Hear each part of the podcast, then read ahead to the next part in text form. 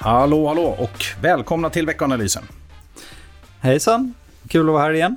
Välkommen Sebastian. Tackar, tackar. Extra spännande, sista inför sommaren. Vi brukar ju ta en liten paus. Yes. Så att eh, stora förväntningar på eh, vad just du kommer leverera. Nej, Ja. vad vi levererar. Eh, snarare kanske. Men eh, vi tänkte väl köra som vanligt. Och eh, sen så tar vi en paus nästa vecka och sen är vi tillbaka någon gång mitten av augusti. Det stämmer.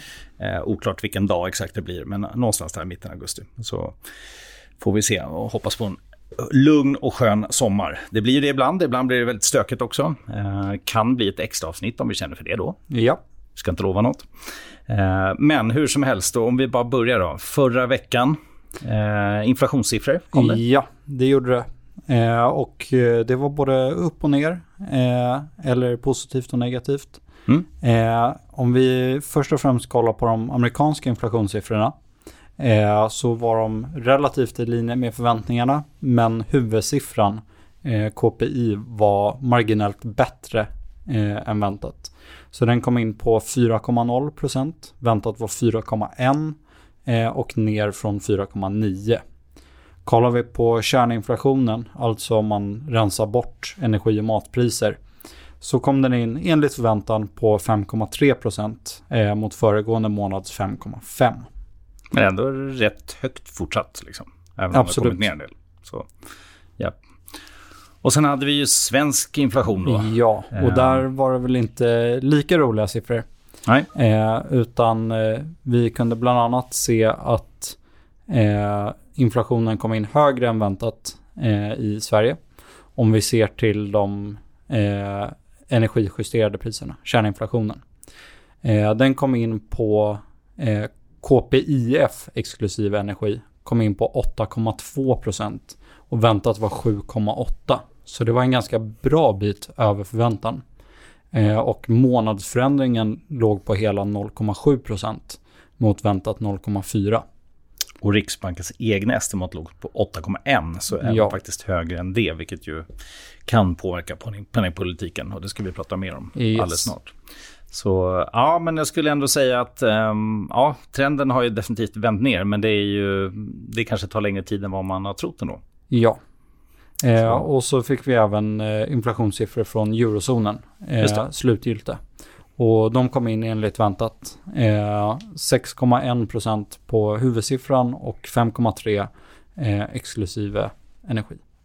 Så Sverige fortsatt klart högre än både USA och Europa Yes. i inflation. Och eh, inte minst då också fortsatt svag krona. Ja. Eh, men okej, eh, det är ju bra och då är frågan helt enkelt vad, vad händer då med räntor? Eh, och ja, de steg väl lite förra veckan? Eh, ja, eh, dels så hade vi ett Fed-möte där de pausade den här gången, inte genomförde någon mer räntehöjning, eh, men ändå aviserade att det kommer fler räntehöjningar under året. Ja, lite överraskande då. Två ytterligare räntehöjningar Mm. i eh, den här dotplotten då. Ja, Så lite hökaktigt. det kan man lugnt säga. Mm. Eh, och marknaden delar väl inte riktigt Feds uppfattning i dagsläget, utan eh, där tror man på en knapp räntehöjning. Eh, Vad är det man brukar säga? Don't fight the Fed.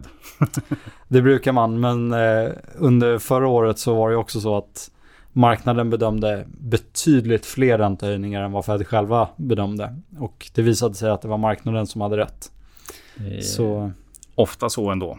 ja, Men eh, okej, så i värsta fall då två till och då landar vi ganska högt ändå på, på räntan. Jag har sett lite sådana jämförelser sista veckan också på ja, räntor jämfört med avkastning på andra tillgångar. Mm. Och det är ju, ja, det, det framstår ju rätt attraktivt att äga korta räntor också. Absolut. Eh, jämfört med vissa saker. Givet att du inte tar hänsyn till, till andra saker än bara ränta och kanske direktavkastning. Så. absolut. Det gör det verkligen. Hur som helst, eh, Fed då säger ju i alla fall att kärninflationen inte faller tillräckligt snabbt. Mm. Eh, och det kan man väl säga. Alltså, nu var det som förväntat, men 5,3 är ju fortsatt ganska högt ändå. Så Ja. då finns det lite grann att ta. Sen får man väl se de här eventuella två då, hur de eh, kommer. En blir väl förmodligen här i juli då. Eh, den kanske är mer, liksom, mer förväntad att den sker då, hellre tidigare än sent. Eh, men sen tror jag liksom att om man läser vad Fed säger så är det väl snarare att det kanske inte kommer liksom vid varje räntemöte utan det kanske snarare är november än september i så fall nästa mm. gång. Men det känns som att det kan hända mycket innan november. Ja, eh, och får vi se att inflationen faller tillbaka i hyfsat god takt då skulle jag inte tro att det kommer mer än en till.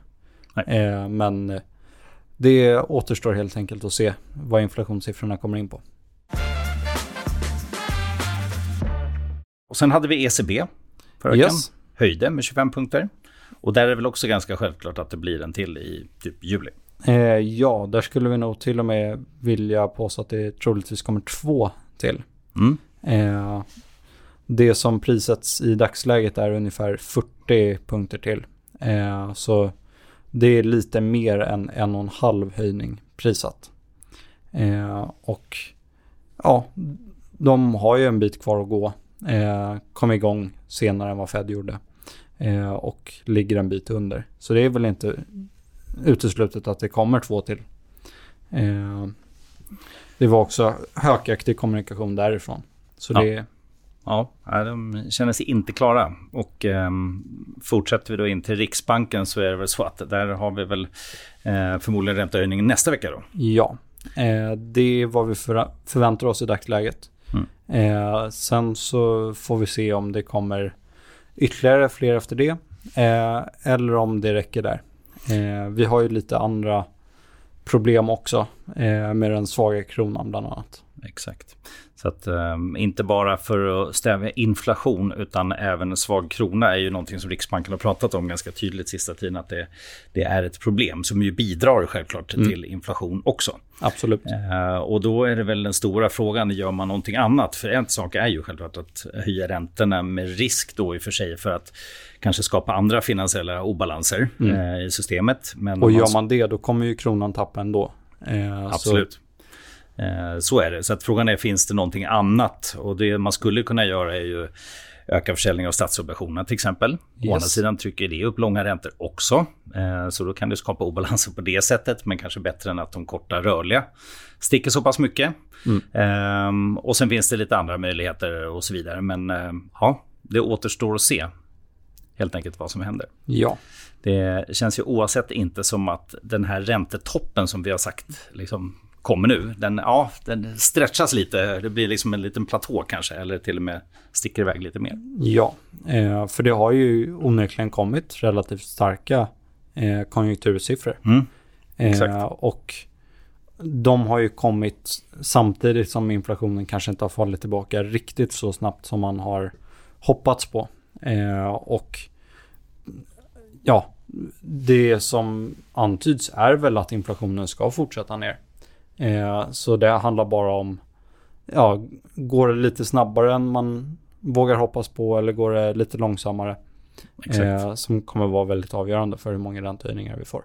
Ja, och en, alltså det är många saker som säger att inflationen ska falla lite, men om man tittar bland annat på producentpriser senaste tiden så har det varit betydligt lägre ökningstakt i flera länder och det ger ju dels stöd till börsen men det borde också kunna ge, liksom, ja, inflationen borde kunna sjunka tillbaka ytterligare.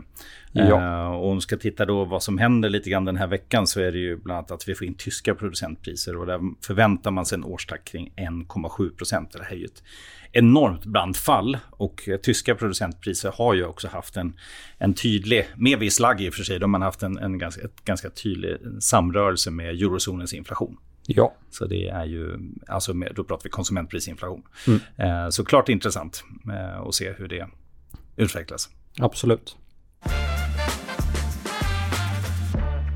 Ska vi lämna centralbanker och inflation lite grann? Eh, vad har vi med den här veckan? På fredag så kommer det då eh, inköpschefsindex. Yes. Eh, vad har vi för förväntningar? Det är väl väntat att de blir ungefär som de föregående. Eh, där vi ser att tillverkningsindustrin har det lite kämpigt medan eh, tjänsteindustrin eh, fortfarande håller uppe ganska väl. Eh, så den trenden kommer nog bestå. Eh, även om vi väntar se en marginell försämring både på eh, servicesidan och tillverkningssidan. Eh, helt rätt. Och som sagt, på fredag kommer det data. Um, och då förväntar man sig då 48,5 för tillverkningsindustrin, såklart svagare där. Och 54 för tjänstesektorn. Ja. Och vi har också på fredag inköpschefsindex från flera andra eh, regioner, bland annat eurozonen också. Eh, det stämmer. Och, eh, samma trend där, va? tillverkningssektorn är svag. Ja. Jämfört med, I alla fall det som är förväntat fortsatt, men det har ju varit så, en sån trend under längre tid att det har divergerat ordentligt kan man säga. Så är det. Um, så vad ska man då tänka på här nu? Jag tycker ju liksom om man då lämnar eh, på ett sätt centralbank men så kommer det nog, tror jag, av ränteutveckling, ränteutvecklingen vara väldigt avgörande. Mm. Eh, det som jag tycker är, sticker ut är ju att det dels är Eh, räntemarknaden prisar in någonting annat än aktiemarknaden. Alltså det är liksom en högre volatilitet, det känns mer osäkert och pris, man prisar in egentligen någonting som är liksom ja, lite annorlunda. En aktie bara går. Eh, det är ganska stor divergens hur liksom, till exempel räntor, långa räntor rör sig mot Nasdaq till exempel. Ja. Det har ju liksom verkligen eh, gått, eh, korrelationen har ändrats helt jämfört med föregående år. Eh, så den stora frågan är ju det, var, är det rätt någonstans? Mm. så att säga. Eh, men klart spännande att se vad som händer. Ja, eh, sen är ju frågan hur långt före ligger börsen? Eh, man brukar väl säga att det är ungefär ett halvår före, men om de nu blickar nio månader framåt eller ett år framåt eh, och ändå ser ett antal räntesänkningar komma vid horisonten, eh, då är det ju kanske inte helt orimligt heller. Så är det. det är, man får stretcha ut sin horisont lite ja. helt enkelt. Det är det du säger. Men eh, det är ju verkligen anmärkningsvärda siffror. Och det är ju inte heller konstigt med tanke på att vi såg rätt rejäla fall förra året. Men ja. bara för att nämna några, du nämnde Nasdaq, mm. är upp 34% hittills i år. Mm. IT-sektorn upp 40% hittills i år mm. på global basis. Ja, och, är... och drar man det ännu tajtare alltså mot sig halvledarsektorn och sådär, då är det ju ännu högre tal än så. Ja. Så att det, vissa bolag är enormt upp enormt mycket. Eh, och vi har ju pratat om den här marknadskoncentrationen tidigare också. Det, riskerna ökar ju lite grann när det blir så, när det blir snävt. Liksom. Mm. När det är vissa undersektorer som går väldigt, väldigt starkt och värderingarna börjar sticka iväg. Och det har de ju faktiskt gjort, att även om vinstförbättring och annat ser bättre ut så ser man ändå att nyckeltal i vissa bolag i alla fall börjar liksom komma upp till lite stretchade nivåer. Liksom. Mm. Uh, och det där blir ju intressant, inte minst när det är rapportsäsong igen. Nu är det ju extremt tunt. Den här veckan har vi väl typ en Skistar-rapport och ja. övriga världen Fedex, men uh, annars mest stämmor och liknande. Um, och uh, om bara ett par veckor, typ tre, någonting, mm. så har vi rapportsäsong igen. Yes. får vi se om det liksom är så att det faktiskt ser ganska ljust ut. Ja. Eller hur det står till. Det har varit en helt okej rapport som sist. Mm. Eh, och det blir väl som vanligt, bankerna blir högintressanta. Eh, och även eh, de teknikrelaterade bolagen i USA. Eh, särskilt med tanke på hur väl de har gått hittills under året. Definitivt fokus på det, eh, skulle jag säga. Så, ja, hyfsade förväntningar på vissa sektorer, men eh, ja, kanske inte orimligt att man inträffar eh, de förväntningarna. Så. Utmärkt. Men du, eh, det känns som vi närmar oss ett avslut på den här veckanalysen och med det sagt så får vi önska en glad midsommar. Det är ju stängt på börsen på fredag. Eh, och vi stänger igen podden också i ja, någon dryg en och en halv månad. Ja. Och så hörs vi helt, helt enkelt senare. Det gör vi. Glad midsommar och eh, ha en fin sommar allihopa.